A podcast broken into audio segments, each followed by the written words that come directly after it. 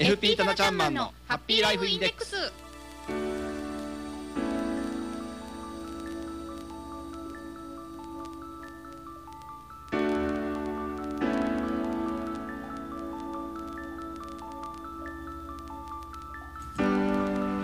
タナちゃんマンのハッピーライフインデックス。この時間はあなたの夢と未来をトータルサポートするライフサポート有限会社の提供でお送りします。私たちと一緒に明るい未来幸せな生活になるためのマネーライフを考えてみませんか？番組では皆さんからの疑問質問受け付けています。宛先は hama.p-wave.ne.jp ハマアットマーク p-wave.ne.jp です。お待ちしてます。それでは今日も早速一級ファイナンシャルプランニング技能士ライフサポート有限会社代表のタナちゃんマンを呼んでみましょう。タナちゃんマンはいこんにちは。棚橋です。今日もよろしくお願いします。こちらこそお願いいたします。いや今日はまたねあのこうキリリとしたあの新年度今日からねいろいろ学校とか会社、はい。あの新しい部署スタートっていう方も多いと思うのではい。なんかそんなあの新年度のスタートっていう感じが、はい。まあこの番組は2回目なんですけどね。はい。そんな雰囲気漂っているタナちゃんマンです。よろしくお願いします、い。います。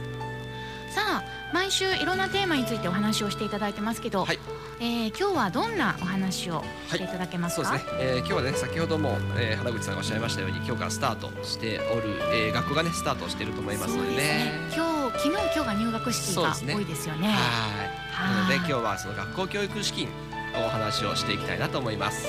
そうそうなんかはい。教育資金がね、はい。あのどういうふうに計画していったらいいかっていう話結構私も身近に聞いたりしました。あそうですか。なんですね。はい、まあ、実は私もですね3人の子供を持ってるんですけれども、はい。今年はですね私の子供3人とも高校中学小学校とそれぞれ入学をしていきましてですなんでねすよね。はい。ちょっと大変な。全部一緒の時なんですね。そうです。大変な時になってるんですけれども、はい。はい。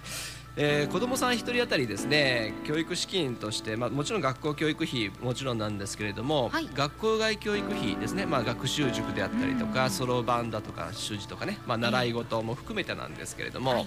えー子どもさん1人当たり約1000万ぐらいかかるよっていうふうには言われておりますよね。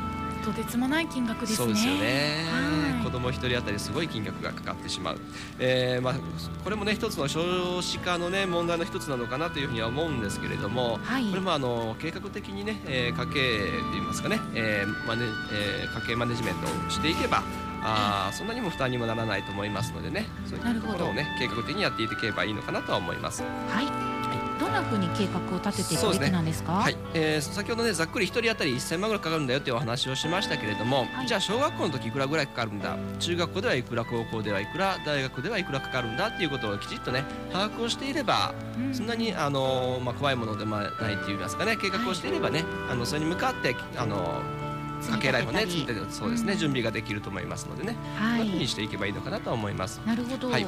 であの私がよくねそのライフプランニングをしてあのご提案をねしていく中でお話をさせていただくのがね、はい。えー約1000万弱かかる教育費に対してほとんどが、えーウエイトを占めるのがですね大学入学時がほとんどおウエイトを占めていきますのでねそのところだけねきちっとお準備をしておいてあとはその月々のね、えー日頃の生活の中で、えー計画をしていけばいいんですよっていうお話をさせていただいております。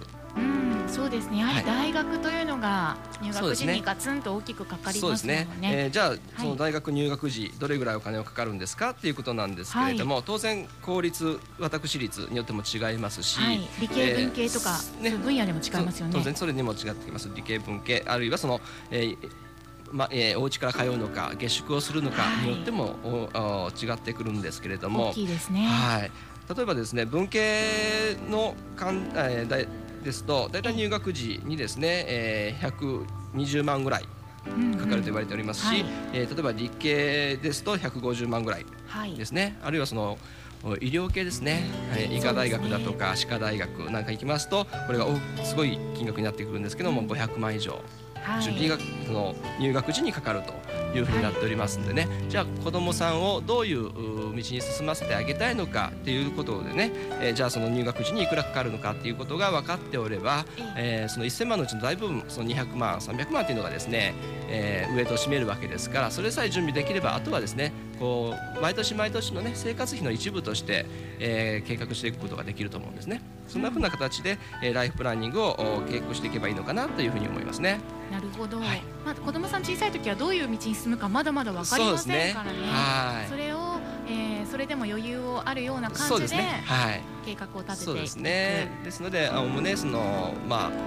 えー、文系よりもやっぱり理系のがお金かかりますので理系で、えー、下宿に行ったとするといくらかかるのかということで準備をしていけば、まあ、間違いなく大丈夫かなと思いますけどね。はい、そうですよね、はい、はい、夢をそのまま叶えてあげたいですね。そうですね。はい。はい。さあそんな計画の立て方をお話しいただきました、はい、えー、お子さんの例えば今3人タナちゃんママいらっしゃるということですけれども、はい、お子さんがその重なる時期に入学をするのかとか、はい、そういうこともやっぱりねそうですね。はい、個人個人のそのお家で変わってきますよね。そうですね。準備は必要だと思いますね。はい、その一番やはりこの子どもさんのね教育資金に、えー、ということであたくさんの方がね利用されていらっしゃると思うんですけれども、はい、学資保険ってありますよね。えー、えー、学資保険もすごくねいいあの教育資金の準備方法だと思いますので、はい、そういったものもかあの活用していけいかれればいいのかなと思いますね。学資保険、はい、これはいろいろなところからあるんですか？いろんなあのところ生命保険会社出しておりますのでね、はい、えー、どこの保険会社はどういう学資保険なのかというそのやっぱり特徴がありますのでね、はい、その特徴をしっかり把握をされて、えー、それが自分に合っている商品なのかどうなのかというところではあのご加入されたらいいのかなと思いますけどね。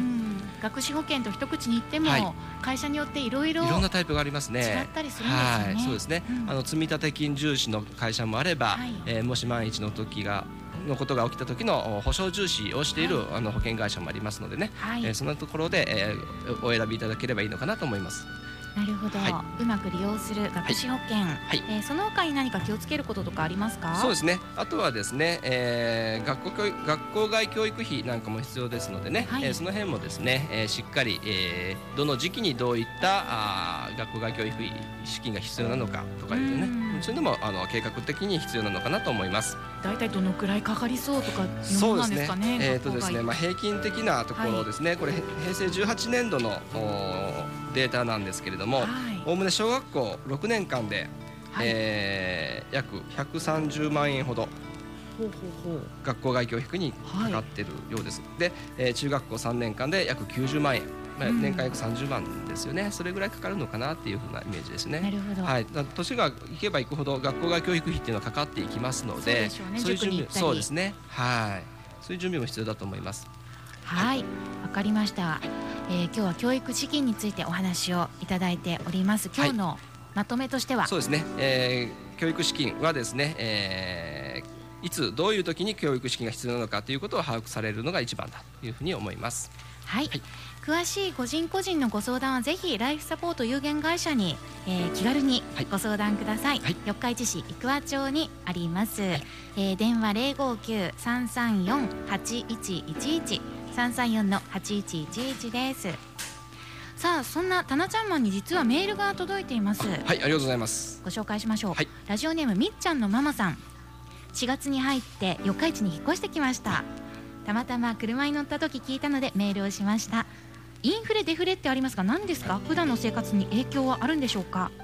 はいそうですね、えー、インフレデフレですね。最近よく騒がれておりますけれども、えー、インフレはえー、物価が上がっていくことですね。物の値段が上がっていくことをインフレ。でデフレは逆に、えー、物価が下がっていくことをデフレと呼んでおりますね、はい、で、えー、これは大きく家計には影響を及ぼすと思いますのでね、えー、じゃあ来週はこのお話をじっくりとしていきましょうか。なるほど。はい、はいえー、来週はそのみっちゃんのママさんからの質問から、はい、テーマをぜひ詳しくお話しいただきたいと思います、はい、お聞き逃しなく、はい、みっちゃんのママさんありがとうございます。ありがとうございます。このようにぜひぜひあの気軽にご質問などメールでお寄せください、宛先は HAMA アットマーク p-wave.ne.jp 浜園スタジオのメールアドレスまでぜひどうぞ。FP タナちゃんマンのハッピーライフインデックスこの時間はあなたの夢と未来をトータルサポートするライフサポート有限会社の提供で浜園サテライトスタジオからお送りしました。また来週この時間にお会いしましょう。ありがとうございました。ありがとうございました。失礼いたします。